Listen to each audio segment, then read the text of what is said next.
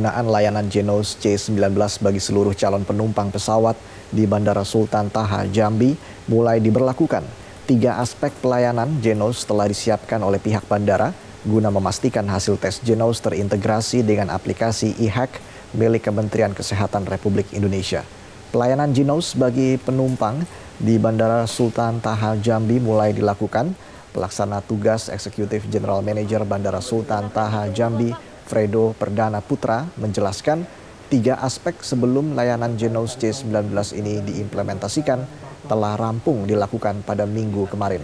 Hasil tes Genos bisa diintegrasikan dengan aplikasi e-hack yang dimiliki Kementerian Kesehatan yang digunakan sebagai pengawasan pelaku perjalanan baik rute domestik dan internasional. Pihak Bandara Sultan Taha menyiapkan 3 sampai 500 kantong nafas untuk memenuhi kebutuhan penumpang menggunakan layanan Genos C19 ini. Hasil dari Genos C19 ini juga dapat diinput secara digital ke aplikasi e-hack seperti halnya hasil rapid test dan PCR test. Ribuan calon penumpang memadati Bandara Soekarno-Hatta Tangerang, Banten sejak minggu pagi para calon penumpang tersebut melakukan mudik lebih awal di hari ke-6 bulan Ramadan. Mayoritas calon penumpang memilih kembali ke kampung halaman lebih dini untuk menghindari larangan mudik lebaran 2021 dari pemerintah. Terlihat sejak pagi hari, situasi Terminal 2 Bandara Soekarno-Hatta ramai oleh calon penumpang. Tercatat sepanjang hari ini terdapat 121 penerbangan domestik yang berangkat dari Terminal 2 Bandara Soekarno-Hatta dengan total penumpang sebanyak 11.548 orang. Jumlah ini mengalami peningkatan dibanding kemarin, yakni 111 penerbangan dengan total 10.653 penumpang. Kekhawatiran calon penumpang yang mudik lebih awal juga disebabkan aturan pemerintah yang membatasi pergerakan moda transportasi saat lebaran, termasuk larangan operasional angkutan udara pada 6 hingga 17 Mei 2021. Menjelang larangan mudik dari pemerintah pusat di tanggal 6 hingga 17 Mei 2021, aktivitas penumpang di stasiun Pasar Senen, Jakarta Pusat terlihat ramai. Untuk mengetahui informasi selengkapnya akan disampaikan oleh reporter Glory Nata langsung dari stasiun Pasar Senen, Jakarta Pusat. Glory, bagaimana pantauan kondisi penumpang di sana? Apakah banyak masyarakat yang curi start mudik saat ini? Ya Reza, benar bahwa pemerintah pusat telah mengeluarkan larangan mudik di tanggal 6 hingga 17 Mei 2021 dan memang dengan adanya kebijakan dari pemerintah tersebut membuat masyarakat memilih untuk mudik lebih awal.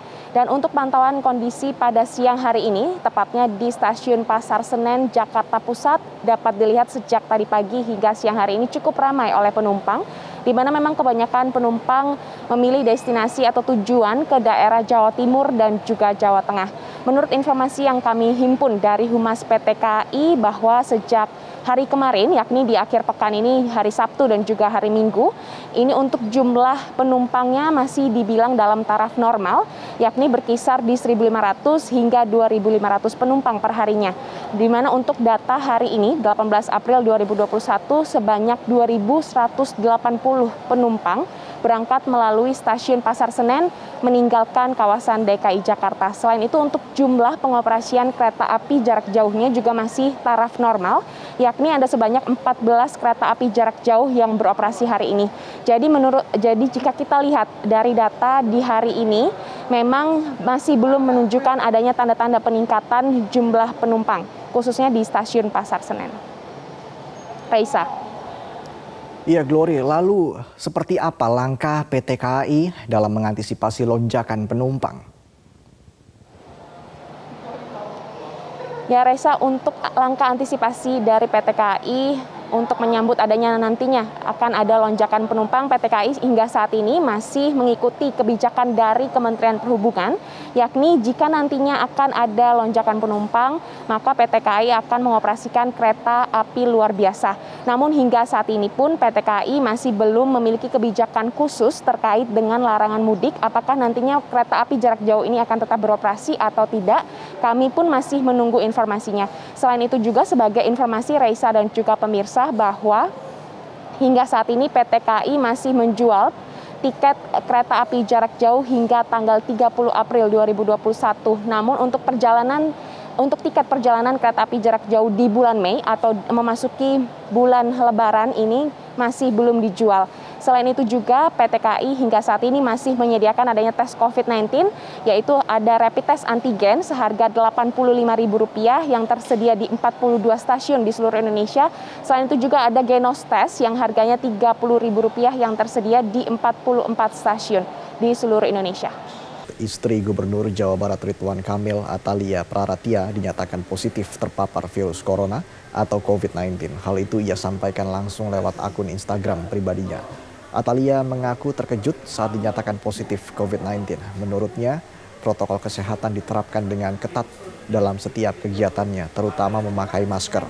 Ia juga selalu membawa dan menggunakan hand sanitizer. Atalia meminta kepada orang yang pernah berkontak dengannya untuk melakukan pemeriksaan Sementara itu suami Atalia, Ridwan Kamil, beserta dengan anaknya dinyatakan negatif berdasarkan hasil tes PCR. Meski terpapar COVID-19, Atalia mengaku tidak ada keluhan berarti, namun hanya merasa sedikit sakit kepala. Ada mau masuk TK, ada mau masuk PAUD, padahal memang iya.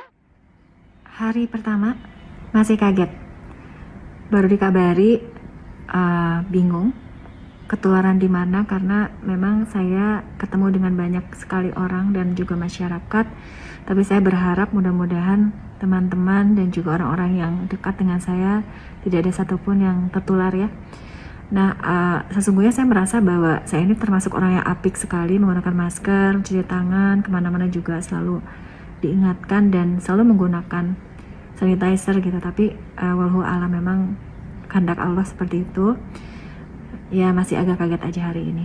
Mohon doa dari semuanya. Hari ini 18 April 2021 kontrak rumah sakit lapangan Bogor berakhir. Hingga saat ini Pemkot Bogor masih menunggu keputusan dari BNPB apakah kontrak rumah sakit lapangan akan dilanjutkan atau tidak. Pemerintah Kota Bogor berharap operasional RS lapangan di Gor Pajajaran dapat diteruskan. Pemerintah Kota Bogor sudah mengajukan usulan perpanjangan kontrak rumah sakit lapangan sebagai antisipasi lonjakan kasus COVID-19 di Kota Bogor, khususnya pasca Lebaran. Berdasarkan kontrak, BNPB membiayai rumah sakit lapangan Kota Bogor selama tiga bulan, yakni 18 Januari hingga 18 April 2021.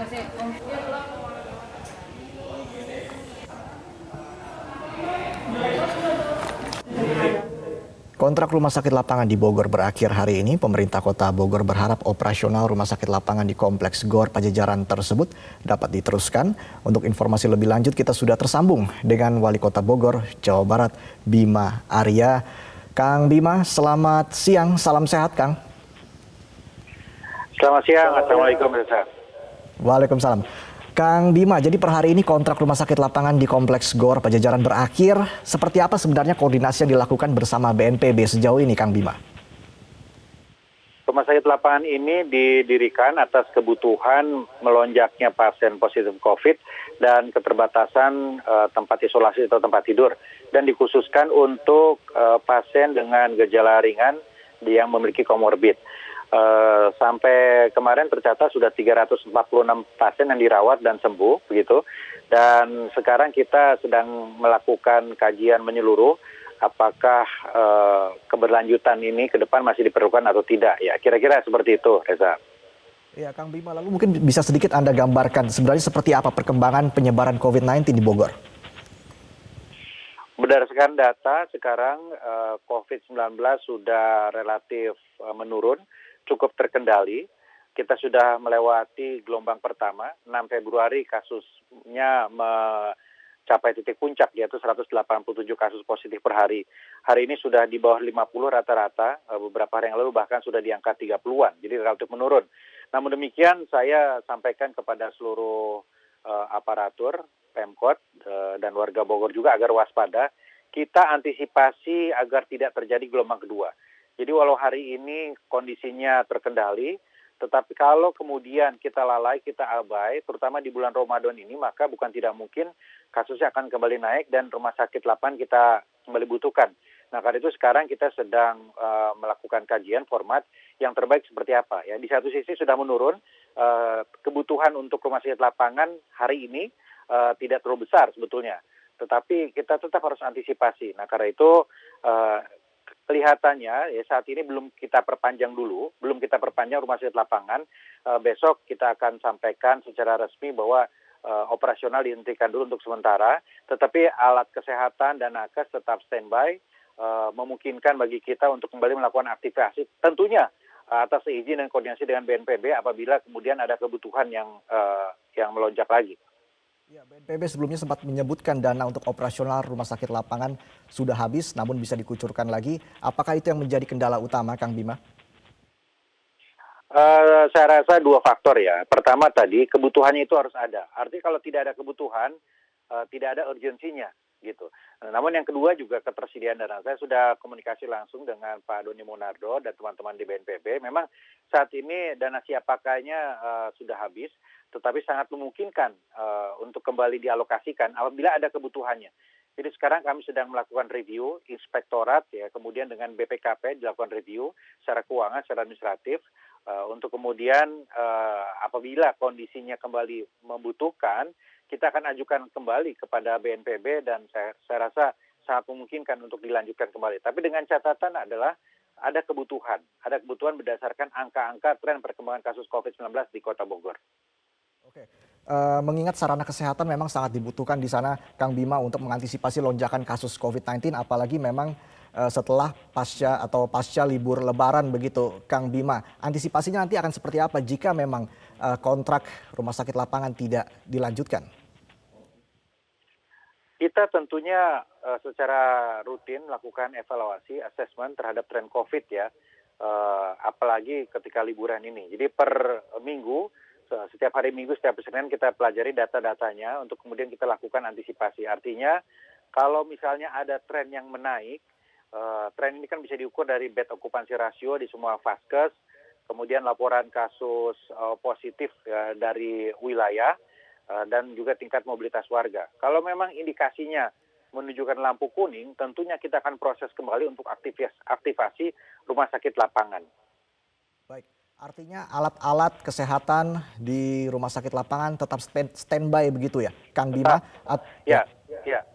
Besok pagi saya akan mengunjungi rumah sakit lapangan, uh, menyampaikan apresiasi terhadap uh, seluruh nakes kru yang selama berapa bulan terakhir ini berjuang di sana dan tingkatnya tingkat keberhasilannya sangat baik begitu.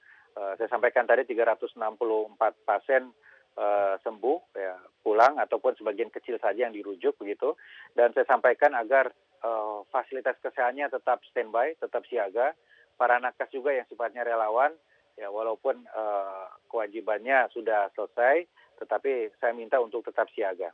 Aparat gabungan Satgas Nemangkawi bergerak ke Kabupaten Puncak untuk melakukan pengejaran terhadap kelompok kriminal bersenjata atau KKB. Satgas bergerak untuk mengepung KKB yang selama ini meresahkan warga di Ilaga, Kabupaten Puncak, Papua. Aparat TNI Polri yang tergabung dalam Satgas Nemangkawi mulai bergerak dari Timika, Papua menuju Ilaga, Kabupaten Puncak untuk memberikan rasa aman kepada masyarakat serta melakukan pengejaran terhadap kelompok kriminal bersenjata. Dalam sepekan terakhir, terjadi rentetan kejadian serangan KKB di Kabupaten Puncak yang menghilangkan empat nyawa warga sipil. Dua di antaranya tenaga pendidik, seorang siswa, dan seorang pengemudi ojek. Selain menyerang warga, KKB juga membakar rumah warga dan gedung sekolah. Tugas TNI Polri berjalan dengan lancar dan baik. Seorang pendeta di distrik Beoga, Kabupaten Puncak, Papua, mengungkap fakta bahwa kelompok kriminal bersenjata atau KKB telah memerkosa gadis-gadis desa. Pendeta menyebut Beoga kini menjadi hitam akibat ulah KKB. Pendeta Jupinus Wama menyebut KKB sudah tidak lagi menghargai para tokoh. Akibatnya masyarakat pun kini dilanda ketakutan akibat ulah KKB. Dalam aksinya KKB merusak bangunan sekolah dan rumah, menembaki orang-orang tidak bersalah dan memerkosa gadis-gadis di wilayah tersebut. Di rumah sudah hancur semua. Jadi sudah hancur dan sudah pergi. Jadi sekarang sudah aman, bapak-bapak sudah datang, sudah aman. Jadi kita panggil kembali keluarga yang sudah hilang di hutan-hutan, guru-guru. Jadi hancur itu bukan hanya sekolah saja, tapi kita punya anak-anak perempuan juga sudah hancur. Kita, kita juga sudah hancur. di rumah sudah hancur semua. Jadi sudah hancur dan sudah pergi. Jadi sekarang sudah aman, bapak-bapak sudah datang, sudah aman. Jadi kita panggil kembali keluarga yang sudah hilang di hutan-hutan. Sekarang ini kita sudah marah. Tuan Tanah juga marah, Tuhan juga sudah marah, kita masyarakat sini marah. Karena kita Beoga ini sudah jadi kembali ke masuk di gelap karena ada sekolah tapi sekolah itu kita memang buka mata sudah jadi pintar tapi bakar sekolah sekarang kita kembali ke masuk di gelap-gelap.